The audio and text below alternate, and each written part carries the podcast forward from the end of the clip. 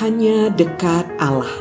10 Februari 2022 Berikanlah juga Lukas 6 ayat 29 Siapa saja yang menampar pipimu yang satu Berikanlah juga kepadanya pipimu yang lain.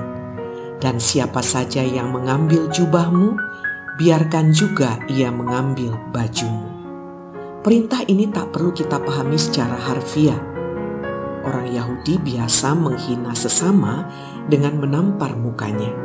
Memberikan pipi yang lain kepada orang yang menampar kita belum tentu membuat amarahnya reda, mungkin semakin marah. Yesus teladan kita dalam kisah sengsaranya berkata kepada seorang penjaga yang menampar pipinya, "Jikalau kataku itu salah, tunjukkanlah salahnya." Tetapi jikalau kataku itu benar, mengapa engkau menampar aku? Jelaslah penjaga itu bermaksud menghina Yesus, sekaligus mencari muka di hadapan imam besar. Yesus tidak membalasnya, tetapi menuntut sebuah pertanggungjawaban.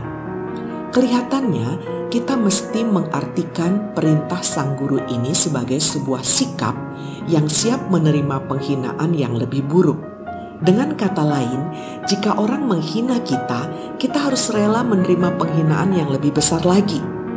Gaya hidup macam demikian akan membuat kita terhindar dari keterkejutan, bahkan sakit hati yang tak perlu. Kita dipanggil meneladan Tuhan yang berdoa, "Ya Bapa, ampunilah mereka, sebab mereka tidak tahu apa yang mereka perbuat." Orang jahat yang sungguh-sungguh jahat sebenarnya sedikit sekali. Yang paling banyak adalah orang yang tidak tahu apa yang diperbuatnya.